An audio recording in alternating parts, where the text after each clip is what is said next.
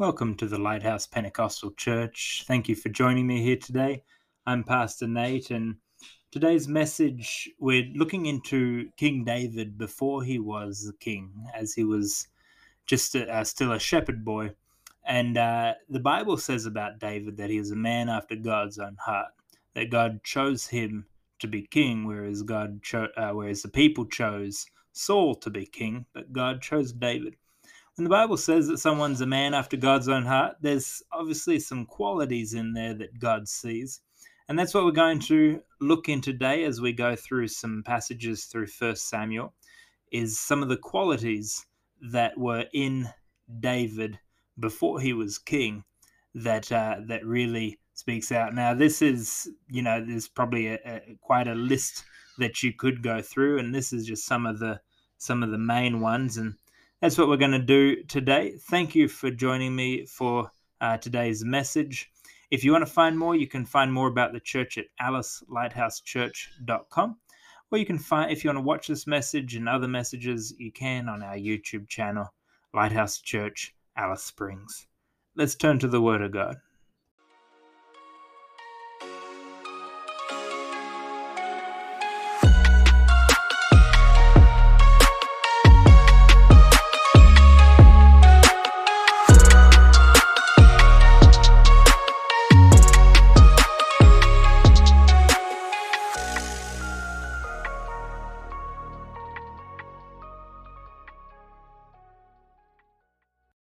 Samuel chapter, uh, chapter 16, starting in verse 10. 1 Samuel chapter 16, starting in verse 10, says, Again, Jesse made seven of his sons to pass before Samuel. And Samuel said unto Jesse, The Lord hath not chosen these or not cho- chosen these. And, and Samuel said unto Jesse, Are here all thy children? And he said, There remaineth yet the youngest, and behold, he keepeth the sheep. And Samuel said unto Jesse, Send and fetch him, for we will not sit down till he come hither. I'd be hoping he wasn't far out in the furthest field away. Otherwise, I'd be saying, Samuel, can we have a sit down and a cup of coffee while we wait for him? So we ain't sitting down till he comes, until he's here. So, verse 12, and he sent and brought him and brought him in. Now he was ruddy and withal of a beautiful countenance and goodly to look to. And the Lord said, Arise, anoint him, for this is he, anointed to be the next king over Israel. Then Samuel took the horn of oil and anointed him in the midst of his brethren. And the Spirit of the Lord came upon David from that day forward. So Samuel rose up and went to Ramah. But the Spirit of the Lord departed from Saul, and an evil spirit from the Lord troubled him. The Spirit of the Lord came on David, and as it was coming on David, the Spirit of the Lord departed from Saul, and an evil spirit of the Lord an evil spirit from the Lord troubled him. We're not going to go down down that road. Uh, that's a, that's a Bible study kind of topic. Verse 15.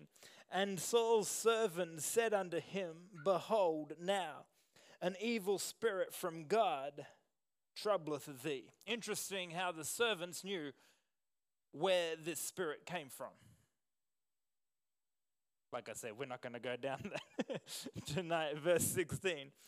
Let, let, our, let our Lord now command thy servants which are before thee, command one of us, tell one of us, to seek out a man who is a cunning player on an harp. And it shall come to come to pass when the evil spirit from God is upon thee, that he shall play with his hand, and thou shalt be well. Interesting here, and I'll get to my topic eventually, but interesting here how what kind of state Saul was in, what kind of place in his mind and his heart that Saul was in, that his servants said, Let's find someone that can play the harp for you, that can be a rain noisemaker for you, or that the Spirit of God is with. Let's play, find someone that can play the harp so that when the spirit when this evil spirit from God troubles you, they can play the harp and ease you. What kind of place was Saul in for his servants to be able to tell him there's an evil spirit that's from God? And that doesn't concern Saul. He's not concerned, he doesn't seem worried about it. I wonder what kind of place he was in.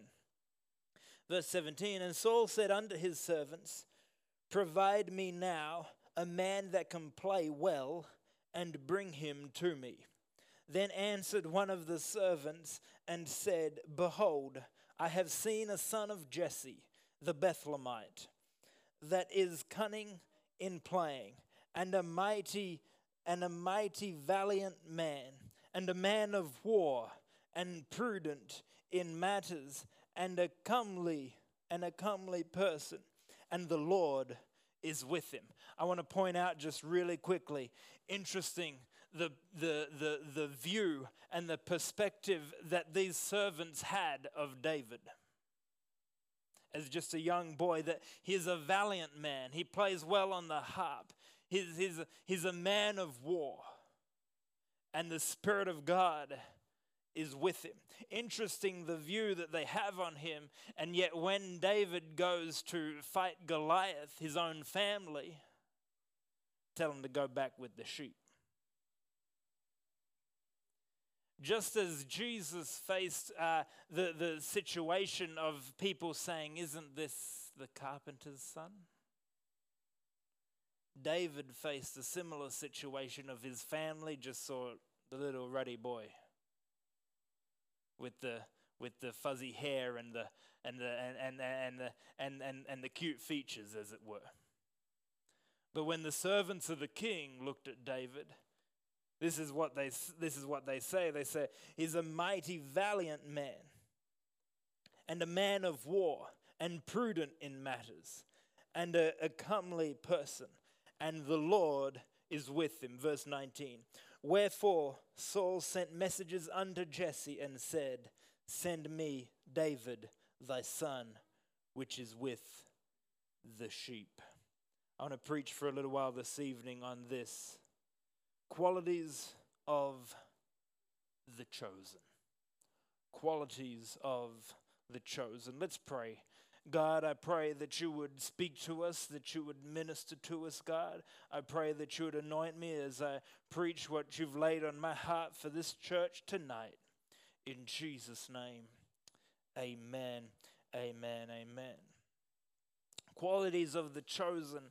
What I'm preaching tonight isn't necessarily going to be something uh, swinging from the, sh- from the chandelier kind of thing and uh, falling, coming to the altar, and all that, but it is something that uh, you want to take and apply to your life on a Tuesday, on a Thursday, one uh, through the week. Apply it to your life. We're not going to list every attribute of David, but we are going to look at a few that I feel are important. When the Bible says that someone is a man after God's own heart, when the Bible says that he is chosen, that God chose him, I want to know what the attributes are of that person, what the strengths are. And David had weaknesses, but what this and his weaknesses, but what the strengths are, what the attributes are that cause the Bible to pen David as a man after God's own heart. as the greatest king Israel had and has ever seen. I want to know what some of those attributes are, some of the qualities of this king or this person who would be king. Because David didn't, he wasn't king when the servant said, He's a valiant man, he's prudent in matters, he's, he's comely, he's a man of war. And almost, they, it was like they said, and almost above all, the Spirit of God is with him. He wasn't king. He didn't wait to be king, and that was all said about him. He wasn't king when that was said. He was the little shepherd boy. He was the, the teenager, as it were, when those things were said about him. And so these qualities that are within him begin to shine out even more so as he goes through his life and as we read about his life. The first, if you're taking notes, the first is God calls active people.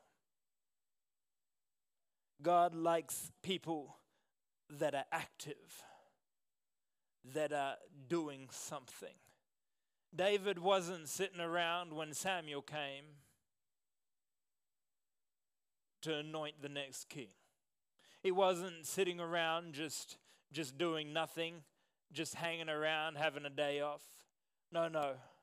He was active. He was with the sheep. He was doing his job. He was tending and caring for the sheep in case a bear or a lion should show up. He was tending and taking care of the sheep. Not only that, when he was called, he came. He came Samuel anointed him, and then David turns around and goes back to the sheep and continues working. People knew where to find David, people knew where to find him. It's one of the things, and I'm not, this is not a, a, a, a political statement or anything, but it's one of the things that I thought was a really good thing about our previous PM. The press knew where they could find him. He was going to be exiting a church after a Sunday morning service. They knew where he would be on a Sunday, they knew where they'd be able to find him. And it is important. It is important to be active, to be doing something to be doing something for the kingdom of God. God chooses active people. You may have met people that say, Well, I, I feel a call from God to preach, but you know, I'm just waiting. I'm just waiting for the opportunity. Start doing something. It may not preach, be preaching you. If you feel called to preach, if you feel called to pastor, it won't be starting out. Your first position won't be pastoring. Your first position won't be asked to evangelize and to preach. But are you willing to do what's needed in the body of Christ? And God will bring you where He wants you. Start doing something. Start doing something. David was anointed to be the next king of Israel while there was still a king there. It would be 15 years approximately from the time David was anointed to the time he would become king. Now, I don't know about you, but if, if, if it would be difficult if God, you know, you have a calling to, to evangelize, or you have a calling to pastor, or you have a calling to do something like that, and then it happens 15, 20 years down the road. But David remained active, remained faithful, and there was a lot that went on in that 15 years between being anointed and becoming king. And we see many of those attributes and those qualities come to fruition and come out in David's life. The second point, and I want to put a little caveat with this, is David was not position driven. This does not mean David was lazy. Sometimes people say, well, you know, I don't, I don't want to put myself out there too much. No, no, he wasn't position driven. But who put their hand up when it came time to face Goliath? He's, he's not position driven, but he said, I'll take that giant down. And so I, I, I don't want you to think, well, I just, I, no, no. Being, not being position driven does not mean you do not have ambition. God wants the people in His church, God wants the people in the kingdom to have ambition, to go get it, to work, to have discipline. It's what it is to be a disciple. He wants go getters, but they're not out to seek the position. We see this especially, we see this when David is asked to play the harp for King Saul. He's just been anointed king. He's just been anointed to be the next king over Israel. The Spirit of God has come on him and left Saul, and an evil spirit has come on Saul. And David's been anointed the next king over Israel. And now David is asked to go play the harp for the person whose position he will one day take. And in his mind, and he is thinking, this is really weird. I've been anointed to be uh, to be king, and and Saul doesn't know this. This is one of the concerns Samuel has. If you read a few earlier in the chapter, Samuel's like, God, uh, what if the king finds out? what if Saul finds out? And so, and so he's been asked to go play the harp for the man whose position he's been anointed to take. This tells us very clearly where David's heart is and where his mind is that he realizes I will work and I will do what I need to do, and as doors open, I will walk through them. But when God's ready, He will have me step in to that position. When it's God's time, He will have me step in. It doesn't mean when doors, when doors open, I, I won't walk through them. No, I'll walk through them. I'll be ambitious. I'll, I'll do what I need to do. But ultimately, when it's time for me to become king, then God has it all worked out and all planned. Let's turn together to 1 Samuel chapter 17, verse 42, just jumping to the, to the next chapter.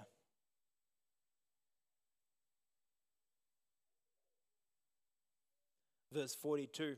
1 Samuel 17, verse 42 says, And when the Philistine, this being Goliath, looked about and saw David, he, dis, he disdained him, he disdained him, for he was but a youth, and ruddy, and of a fair countenance. We see that description of David again.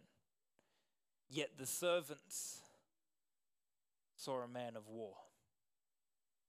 Verse 43 And the Philistine said unto David, Am I a dog that thou comest to me with staves and and the Philistine cursed David by his gods.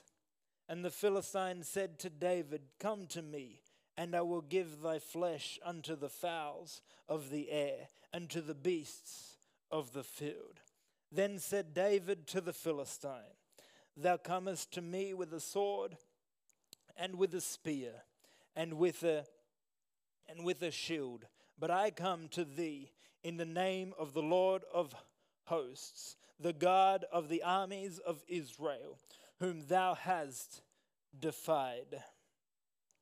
This day will the Lord deliver thee into mine hand, and I will smite thee, and take thine head from thee, and I will give the carcass of the host of the Philistines this day unto the fowls of the air, and the and the wild beasts of the earth, that all the earth may know that there is a God in Israel. And all, the, and all this assembly shall know that the Lord saveth not with the sword and spear, for the battle is the Lord's, and, and the will, and he will give you into our hands. David is faced with Goliath here. And Goliath says, I'll kill you and feed you to the fowls. David responds, he says, I'll take your head from your shoulders and the host of Philistines, the army behind you. I'll take you all out and give your bodies to and give your carcasses to the fowls and the beasts. That's what David says. David points out, he says, You've defied God. He says, You haven't defied Israel, you've defied God. There's interesting changes in the pronouns when we say we or I and he or God. David says, God will deliver you into my hand, and I will smite you. David understands very clearly here the relationship between him and God, what his role is and what God's role is.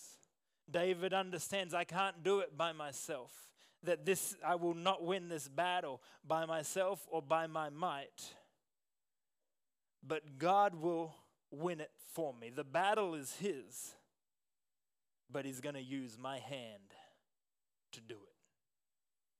Again, David wasn't position driven, but when it came time for a fight, David was there. he was willing to stand up and say, Hey, I'll take him on.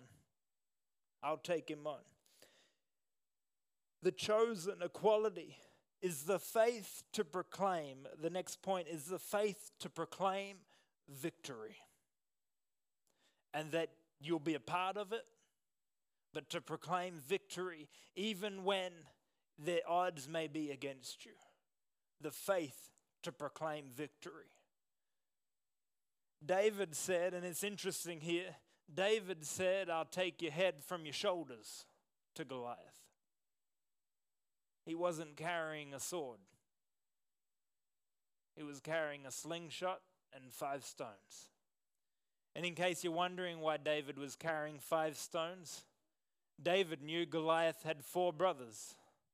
And so, just in case they decided to turn out, it wasn't David thought, oh, maybe in case I miss the first one, I'll give myself five shots. No, David said, well, if his four brothers come, one for each, I'll take them all out. This is the, this is the kind of faith that David had in God. The faith to proclaim victory, and even if the unexpected were to happen, to still proclaim victory. My next point is the ability to handle responsibility. To be able to handle responsibility. David stood up and spoke for the nation of Israel as just a youth the Bible says, as just a young person. He spoke for the nation of Israel. He said, I, will fight this battle for Israel. I'll fight this battle for Israel. He could handle responsibility. And then after that, David was able to handle recognition. What did the people chant? They chanted, Saul's killed his thousands, and David his ten thousands. And we see Saul, what that does to him, sends him off the edge. And we see David and his ability to handle recognition, his ability to handle fame. Brothers and sisters, recognition, popularity, fame, whatever you want to call it, is difficult to handle, is difficult to manage and maintain your walk with God. Saul wasn't able to. We see many other people's people throughout scripture that are unable to. We've seen many modern day people that are unable to. But if you walk hand in hand with God, God will give you favor. And with favor comes recognition. God will never put more on you than you can handle, than you can bear. But it is something, it is a quality for God to be able to continue taking you further and further and further being able to handle recognition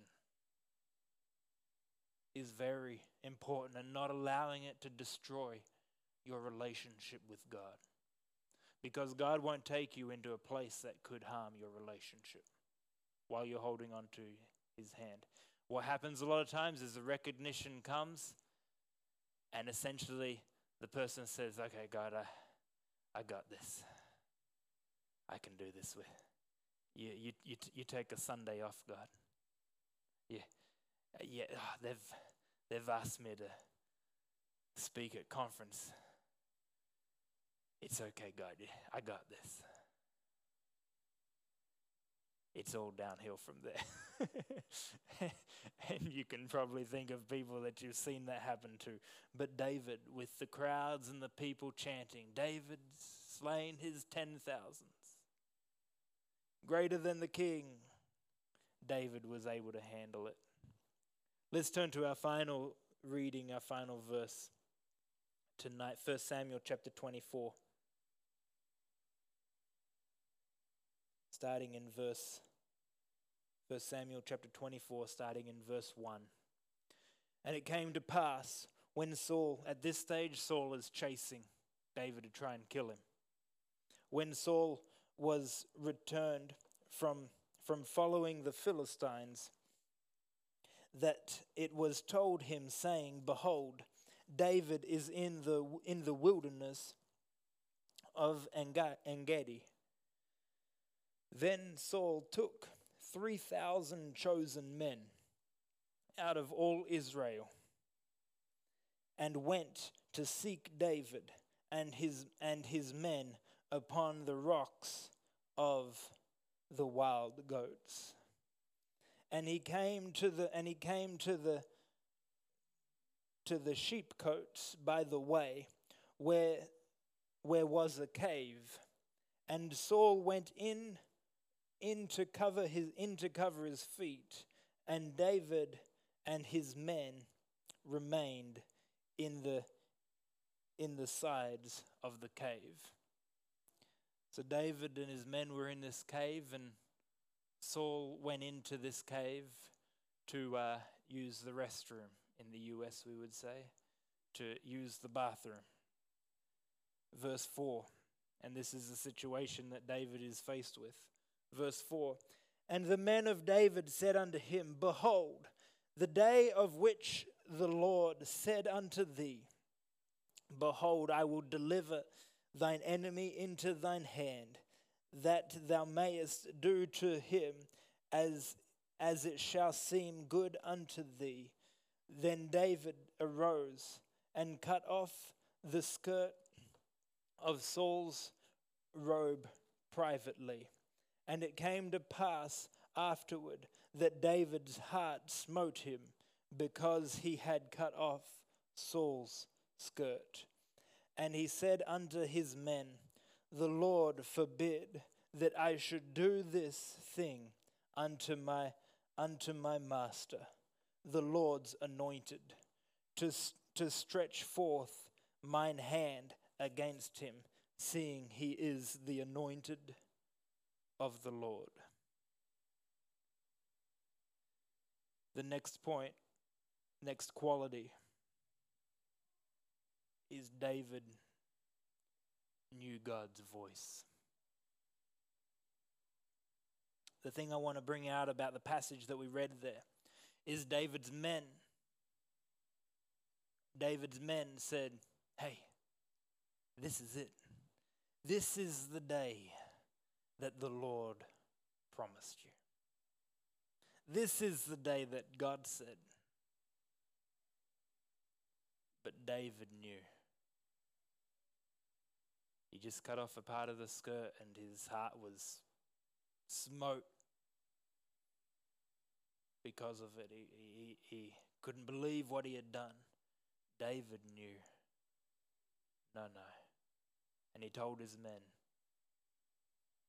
God forbid that I do this to the Lord's anointed. By this time, Saul is far gone. He's way down the cliff. But it wasn't about Saul. It wasn't about Saul's heart. It wasn't about Saul's attitude. David realized it's about me. It's about my heart. It's about my attitude. It's about me. And so, even though his men said, this, is the, this is the day, David knew God's voice enough to say, No, it's not. Even when those around him were telling him, It is. And finally, if we could have some music, please. And finally, as we go through David's kingship, we learn probably the biggest quality that David had was his ability to repent and ask for forgiveness. There's a lot more qualities with David. There's a lot in David that I could have just taken one of the passages and preached the whole thing on that. But wanted to show you snapshots kind of of David's life before he was king. And we see these qualities in him of a king before he was ever crowned king. He was anointed, but not crowned. We see these incredible qualities in him just as a youth to be able to handle the recognition, to be able to handle responsibility. He didn't desire the position of king. But when the time came when Saul died, just as he did with Goliath, he stepped up and he said, I'm the king.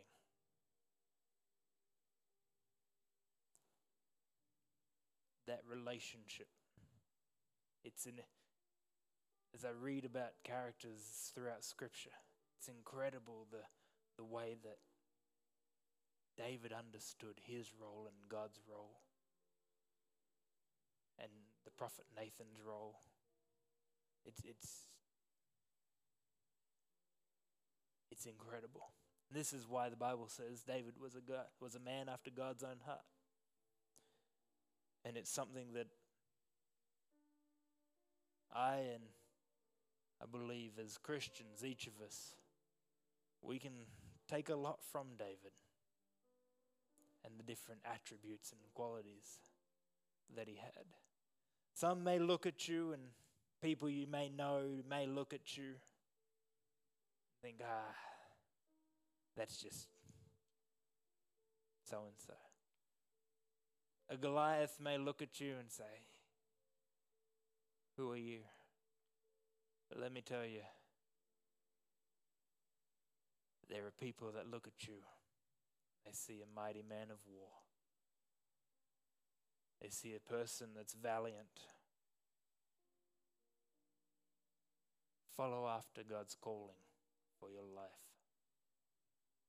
Walk through the doors that God opens. Follow His calling. And